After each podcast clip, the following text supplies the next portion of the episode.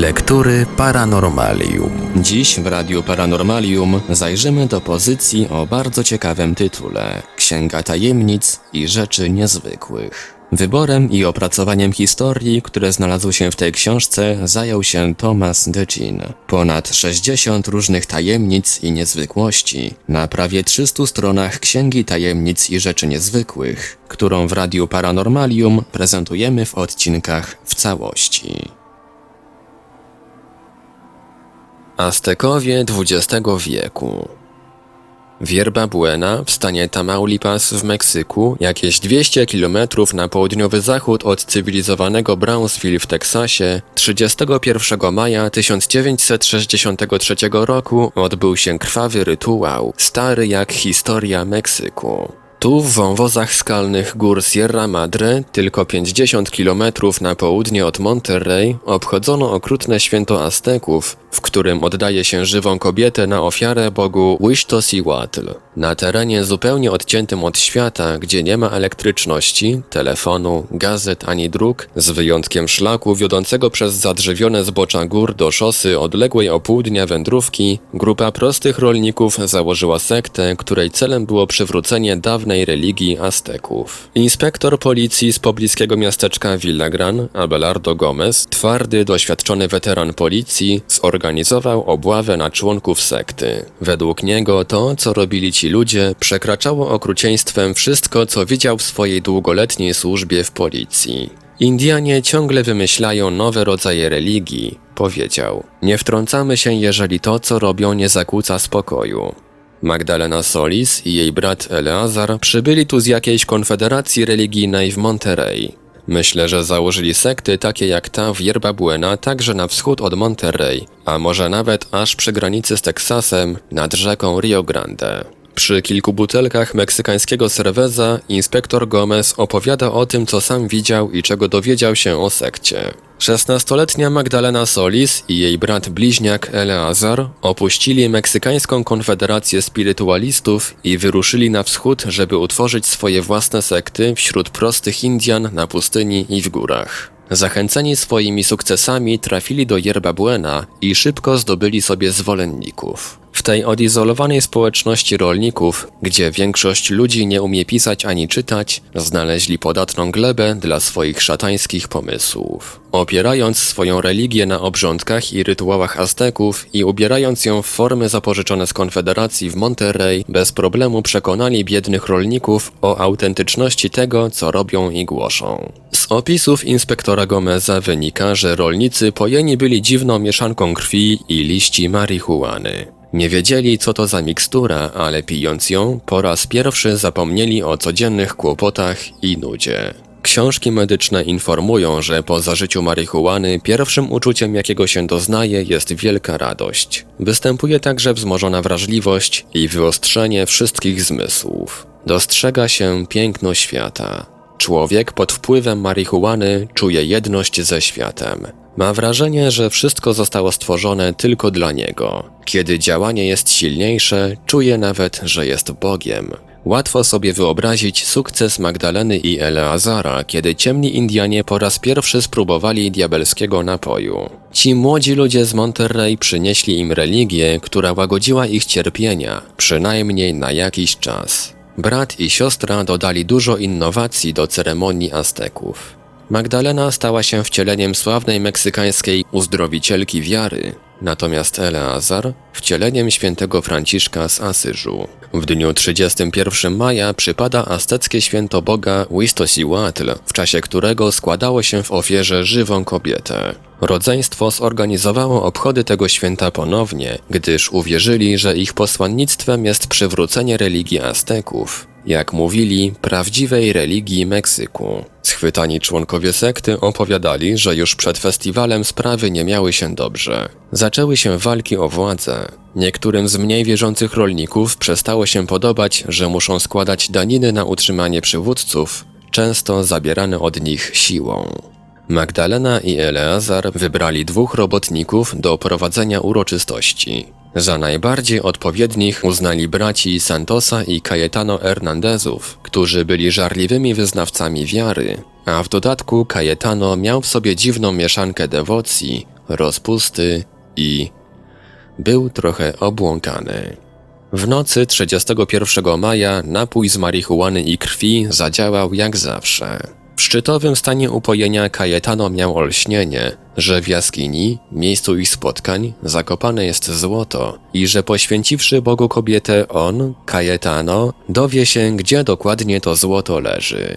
Mając pieniądze, mogliby szerzyć swoją wiarę na innych terenach. Kiedy zawołano, żeby zgłosiła się kobieta gotowa poświęcić się Bogu, większość rolników była już w stanie głębokiego upojenia. Miała to być już dwunasta ofiara złożona Bogu. Jak wcześniej, tak i teraz ofiar nie trzeba było brać siłą.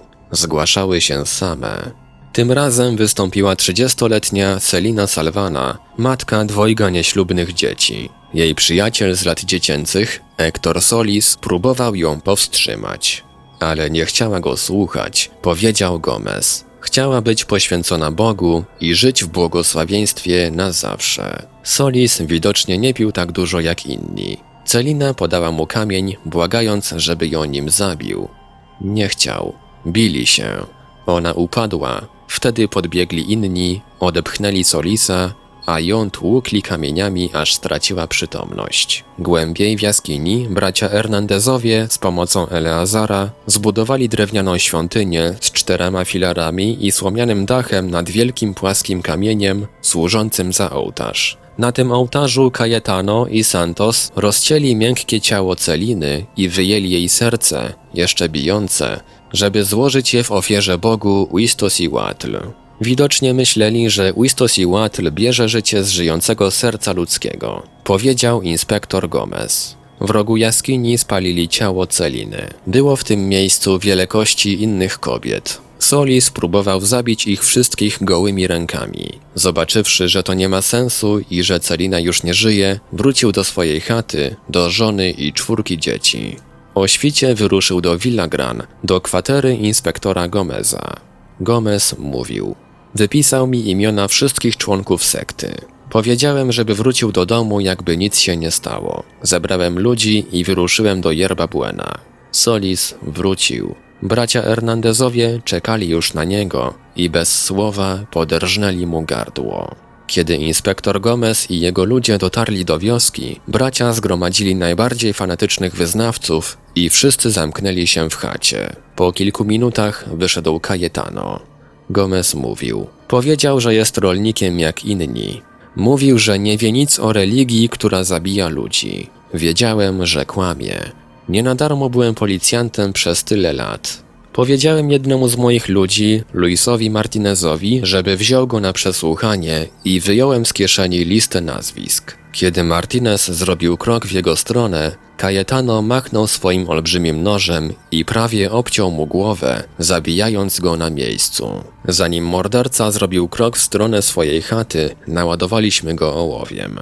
Ze środka Santos i inni otworzyli do nas ogień. Strzelaliśmy długo, żeby mieć pewność, że wszyscy w chacie nie żyją. Kiedy weszliśmy do środka, wszyscy leżeli na ziemi, Santos wśród nich. Gomez i jego ludzie wzięli ponad 40 więźniów, w tym Magdalenę i Eleazara Solis. Dowiedzieli się, że taka sama sekta powstała w sąsiedniej wiosce Delgado. Gomez sam nie dałby sobie rady. Poprosił oddziały federalne z Tampico o pomoc w poszukiwaniu świątyń w okolicznych jaskiniach oraz zbiegłych członków sekty z Yerba Buena. Rozkazał też spalić słomianą świątynię i pogrzebać znalezione tam kości. To było najgorsze zadanie, jakie kiedykolwiek wykonywałem. Teraz już nic nie może mnie zaskoczyć.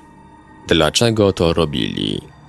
Była to mała wioska, zupełnie odcięta od świata, zapomniana i omijana przez cywilizację. Tu, w krainie, gdzie czas nie gra żadnej roli, wciąż żywe były idee i kultura Azteków z Imperium Montezumy, odległego tylko o 400 lat. Może niektórzy z tych rolników, wypiwszy diabelski napój, szczerze wierzyli, że objawił im się Bóg. Dla innych religia była sposobem na frustrację i trudy. Dla jeszcze innych krwawe obrzędy były urozmaiceniem nudnego życia.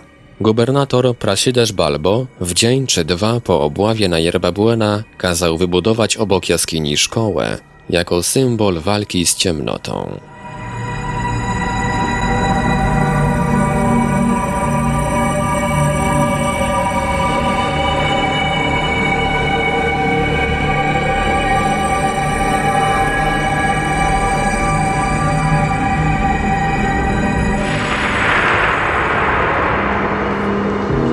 Lektury Paranormalium.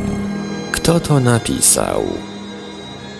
Tajemnicze historie były rzeczą dość nową, kiedy to Wilkie Collins namówił swego przyjaciela Charlesa Dickensa, aby zwrócił swój talent właśnie w tym kierunku. Dickens zastanawiał się nad tą propozycją przez wiele miesięcy, zanim zabrał się do pisania swojej pierwszej i jedynej powieści tego typu Tajemnicy Edwina Truda. Zaplanował sobie, że książka będzie publikowana w 12 comiesięcznych odcinkach w pewnym magazynie, a do tego po raz pierwszy w całej swej karierze Dickens nalegał, aby w wypadku jego śmierci należność była wypłacona jego spadkobiercom.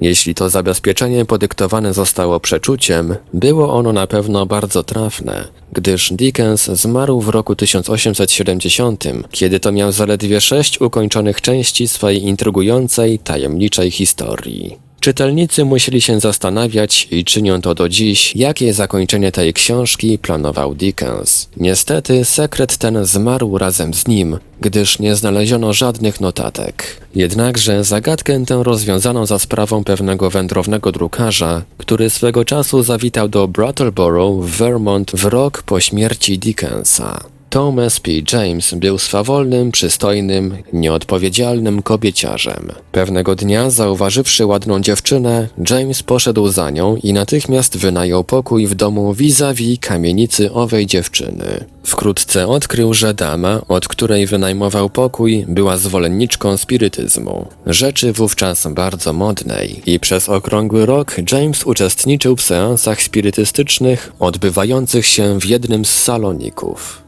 3 października 1872 roku poinformował swoją gospodynię, że jest w kontakcie z duchem Charlesa Dickensa i że wybitny pisarz dał mu pełnomocnictwo, aby ukończył powieść Tajemnica Edwina Druda. Dobra kobieta była zupełnie oszołomiona myślą, że jej lekkoduszny, młody pensjonariusz został zaszczycony przez tak wybitnego człowieka jak Dickens. Aby mieć w tym choćby odrobinę swego udziału, zaoferowała ona młodzianowi darmowe jedzenie i pokój do czasu, aż ukończy on swe zadanie. Liczni świadkowie potwierdzali później, że James zwykł wchodzić do swego pokoju, gdzie zagłębiał się w fotelu i zapadał w trans, niejednokrotnie trwający wiele godzin. Po takim seansie wyjaśniał swym przyjaciołom, że on sam nic nie tworzy, że on tylko zapisuje tekst, jaki Dickens dyktuje mu podczas transu. Czasami materiał, który James zapisał, zajmował wiele stron, innym razem składał się tylko z kilku linijek.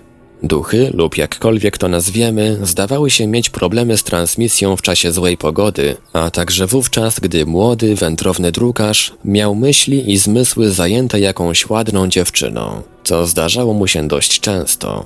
Dickens musiał wtedy cierpliwie czekać, gdziekolwiek by nie był. Jak można było oczekiwać, zaczęły się plotki i gazety szybko wywąchały całą sprawę, przepowiadając oszustwo czy mistyfikację.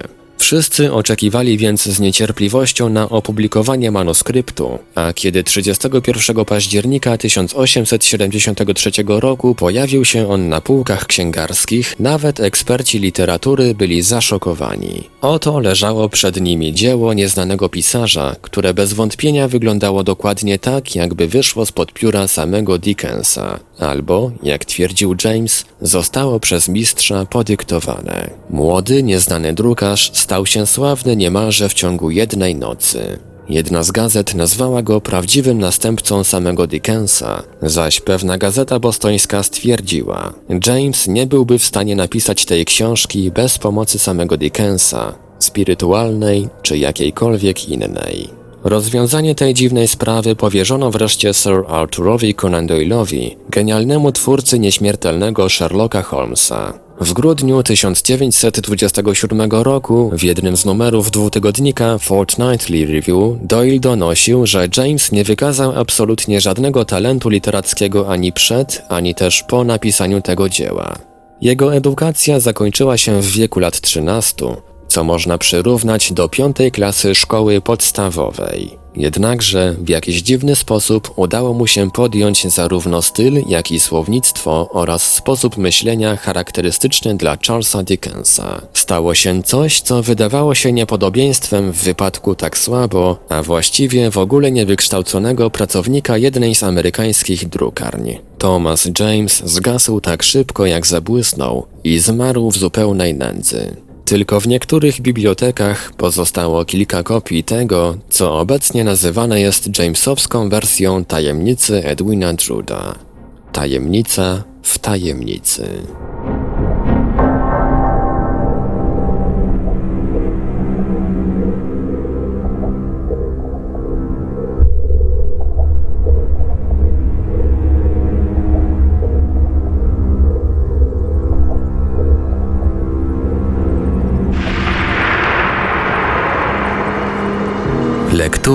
Paranormalium. Przeklęty samochód. Było to luksusowe auto. Spowodowało jednak śmierć mnóstwa ludzi, zanim los w końcu policzył się i z nim. Jasnoczerwony sześcioosobowy kabriolet miał niespełna 320 km przebiegu, kiedy dwie osoby z cesarskiej rodziny zawiózł na spotkanie ze śmiercią.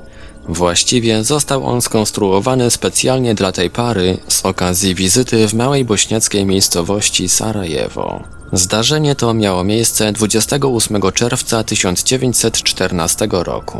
Sytuacja polityczna w Europie w każdej chwili groziła wybuchem wojny. Brakowało tylko iskry. Arcyksiąże Ferdynand i jego żona księżna Hohenburg wsiedli do wspaniałego pojazdu, żeby przejechać ulicami Sarajewa.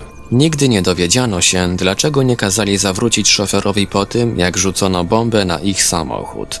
Bomba odbiła się od drzwi i potoczyła na ulicę. Wybuch zranił cztery osoby z orszaku jadące konno za samochodem. Upewniwszy się, że ranni otrzymają pomoc, książę z małżonką pojechali dalej. Nastąpiło drugie niewyjaśnione zdarzenie. Szofer, który doskonale znał Sarajewo, pomylił drogę i wjechał w ślepą uliczkę. Z bramy w zaułku wyskoczył młody człowiek i wymachując pistoletem rzucił się na maskę samochodu, strzelając raz po raz do arcyksięcia i księżnej, którzy zginęli, nim osłupiali strażnicy zdążyli powalić zamachowca na ziemię. Zamach na parę książęcą był zapłonem I wojny światowej, którą przypłaciło życiem 20 milionów ludzi. Po zamachu fatalny czerwony samochód nadal sprowadzał śmierć na tych, którzy do niego wsiedli. W tydzień po wybuchu wojny wybitny dowódca V Korpusu Armii Austriackiej, generał Potiorek, zajął dom gubernatora w Sarajewie. Przypadł mu w udziale także czerwony samochód arcyksięcia. Nie czekał długo na efekty. 21 dni później poniósł klęskę pod Waliewo, utracił dowództwo i został odesłany do Wiednia. Wkrótce stał się zrujnowanym wariatem i zmarł w przytułku. Czerwony samochód przeszedł w ręce innego Austriaka, byłego podwładnego generała Potjorka. Kapitan wkrótce spotkał się ze swoim fatum. Jadąc z dużą prędkością przejechał i zabił dwóch chorwackich chłopów, wpadł na drzewo i kiedy przybyła pomoc, już nie żył. Był właścicielem samochodu przez 9 dni. Po zakończeniu wojny właścicielem samochodu został nowo mianowany gubernator Jugosławii. Doprowadził on wóz do świetnego stanu, lecz miał cztery wypadki w ciągu czterech miesięcy i w ostatnim z nich stracił rękę. Rozkazał więc zniszczyć samochód. Jego reputacja była tak zła, że wydawało się, iż nikt nie będzie chciał nim jeździć. Jednak pojawił się nabywca, dr Syrkis, który śmiał się z przekleństwa. Kupił samochód prawie za bezcen. Ponieważ nie mógł znaleźć szofera, postanowił prowadzić auto osobiście. Cieszył się swoim nabytkiem przez sześć miesięcy i coraz bardziej utwierdzał się w przekonaniu, że przekleństwo ciążące na samochodzie było wytworem ludzkiej wyobraźni. Pewnego ranka samochód znaleziono przy drodze. Leżał na dachu, a ciało doktora wyrzucone na zewnątrz było zmasakrowane przez przewracający się pojazd. Wdowie po doktorze udało się sprzedać samochód bogatemu jubilerowi. Używał auta przez rok, a później popełnił samobójstwo. Następnym właścicielem był znowu lekarz. Wkrótce jednak opuścili go pacjenci z obawy przed fatalnym samochodem. Odsprzedał go więc szwajcarskiemu kierowcy wyścigowemu, który wystartował nim w wyścigu w Dolomitach, podczas którego samochód wpadł na kamienny mur i kierowca zginął. Czerwone auto wróciło do Sarajewa. Nabył je zamożny rolnik, który dał samochód do naprawy i jeździł nim bezpiecznie przez kilka miesięcy.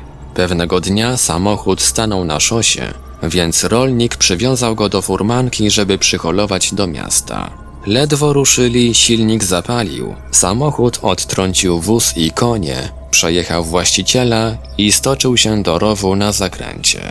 Zniszczony czerwony pojazd kupił Tiber Hirschfeld, mechanik, który naprawił go i pomalował na niebiesko. Nie znajdując nabywcy, jeździł nim sam.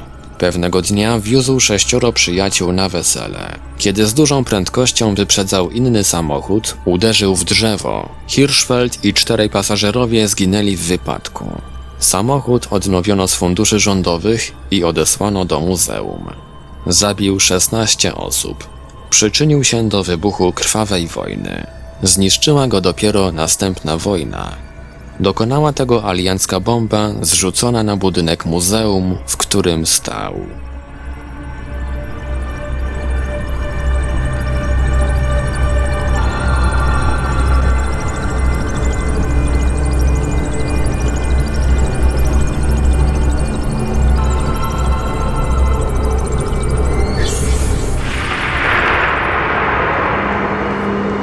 Lektury Paranormalium. Fatalny krążownik. Niemieccy marynarze nie byli z pewnością idiotami. Twierdzili jednakże, że krążownik Scharnhorst przynosi nieszczęście i unikali go jak ognia. Była to jednostka bojowa o wyporności 40 tysięcy ton, którą hitlerowscy naukowcy wyposażyli we wszystko co możliwe. Ten lśniący nowy okręt miał prędkość umożliwiającą wyprzedzenie cięższych brytyjskich pancerników. Uzbrojony został w działa dalekiego zasięgu i potężne elektroniczne urządzenie do wykrywania celów, zanim one wykryją jego. Pierwszy sygnał, że okręt może sprawiać kłopoty, pojawił się, gdy zbudowany był zaledwie w dwóch trzecich. Z odgłosem miażdżonego drewna kadłub przewrócił się na bok, przygniatając śmiertelnie 61 robotników i raniąc 160 innych. Podnoszenie okrętu trwało trzy miesiące. Trzeba było wręcz zmusić do pracy brygady robotników, ponieważ rozeszła się już plotka, że ten błyszczący stalowy potwór przynosi nieszczęście. W końcu jednak nadszedł dzień wodowania. Obecne były hitlerowskie grube ryby. Hitler, Himmler, Göring, Scheirich, Hess i Dunitz. Wodowanie miało być wielkim wydarzeniem, gdyż Hitlerowi zależało na zastraszeniu już zaniepokojonych sąsiadów możliwościami Niemców w wymyślaniu nowych, śmiercionośnych broni. Przybyli więc wszyscy najważniejsi dostojnicy hitlerowscy. Brakowało tylko głównego bohatera wydarzenia, samego Scharnhorsta. Nocą Scharnhorst sam się zwodował, miażdżąc kilka barek, gdy zjeżdżał pochylnią na wody kanału. Zakłopotani hitlerowcy oświadczyli, że okręt zwodowano poprzedniej nocy, żeby ukryć nową, tajną metodę wodowania. Tak czy inaczej, przynoszący nieszczęście okręt, duma Hitlera, znalazł się w końcu na wodzie. Po zajęciu Gdańska Niemcy rozesłali po świecie kroniki filmowe pokazujące jak Scharnhorst zasypuje bezbronny port setkami ton śmieci i zniszczenia. Nie wspomnieli jednak, że podczas ataku na Gdańsk Scharnhorst zabił 10 ludzi spośród swojej załogi, kiedy to wybuchło jedno z jego wielkich dział, a gdy przestał funkcjonować system wentylacji, w jednej z wieżyczek armatnich udusiło się 12 podoficerów. Zła sława Scharnhorsta dopełniła się w czasie oblężenia Oslo, podczas gdy hitlerowskie okręty wojenne zasypywały pociskami kolejny bezbronny port, Scharnhorst został wielokrotnie trafiony. Płonął w 12 miejscach i musiał zostać odholowany w bezpieczne miejsce przez Gneisenau. Powrót do macierzystego portu był bardzo trudny, gdyż okręt musiał ukrywać się przed brytyjskimi bombowcami w dzień, a w nocy ukradkiem płynąć wzdłuż wybrzeża. Taką właśnie ciemną nocą wpłynął wreszcie na wody Elby, był więc już prawie u kresu swej podróży. Z nieznanego powodu jego radar nie wykrył obecności jednego z największych na świecie statków transatlantyckich, znajdującego się na jego kursie. Wachtowy uruchomił wprawdzie syrenę alarmową, jednakże zbyt późno i sam zginął w czasie kolizji, zaś potężny Bremen osiadł na mieliźnie, aby już do końca wojny pozostać tam, stanowiąc cel dla alianckich bombowców. Gdy prace remontowe zostały zakończone i Scharnhorst znów był zdolny do pełnienia służby, gwiazda Hitlera już przygasła. Ogromny Bismarck zatonął w wyniku ataku z morza i powietrza. Tirpitz, trafiony torpedami, leżał w norweskim fiordzie. Hitler nie miał innej możliwości, jak tylko ponownie wysłać Scharnhorsta do akcji, mimo że przynosił nieszczęście. Znów więc płynął po Elbie nocą, omijając doszczętnie zniszczony bombardowaniami wrak transatlantyku Bremen, udając się na północ wzdłuż wybrzeży Norwegii, aby atakować znienacka alianckie konwoje na Morzu Arktycznym. Wyglądał jak mur i mógł nim być dla drugiego statku. Te same ciemności, które skrywały Scharnhorsta przed brytyjskimi samolotami, ukryły też uszkodzoną brytyjską łódź patrolową przed nim samym. Krążownik z impetem i hałasem przepłynął w odległości dosłownie kilkuset metrów od małego, unieruchomionego awarią silników statku i w ogóle go nie zauważył. Lecz łódź patrolowa nadała ostrzeżenie. W ciągu kilku minut brytyjska flota zmieniła kurs i pełną mocą silników ruszyła w kierunku celu. Scharnhorst był jednak zbyt szybki dla swoich przeciwników i po oddaniu kilku strzałów skrył się w atramentowych ciemnościach. Mimo to brytyjski dowódca zaryzykował i oddał salwę całą burtą na odległość 16 tysięcy metrów. Nieszczęsny Scharnhorst zrobił obrót i znalazł się dokładnie w zasięgu pocisków. Raz po raz następowały kolejne uderzenia i trafiony okręt poszedł na dno. Większość załogi zginęła w lodowatej wodzie, ale dwóm marynarzom udało się dotrzeć do brzegu na pneumatycznej gumowej tratwie. Znaleziono ich tam po paru miesiącach. Zginęli od wybuchu małego piecyka na ropę naftową. Wymknęli się Brytyjczykom i wzburzonemu morzu, ale nie mogli uciec od klątwy Scharnhorsta.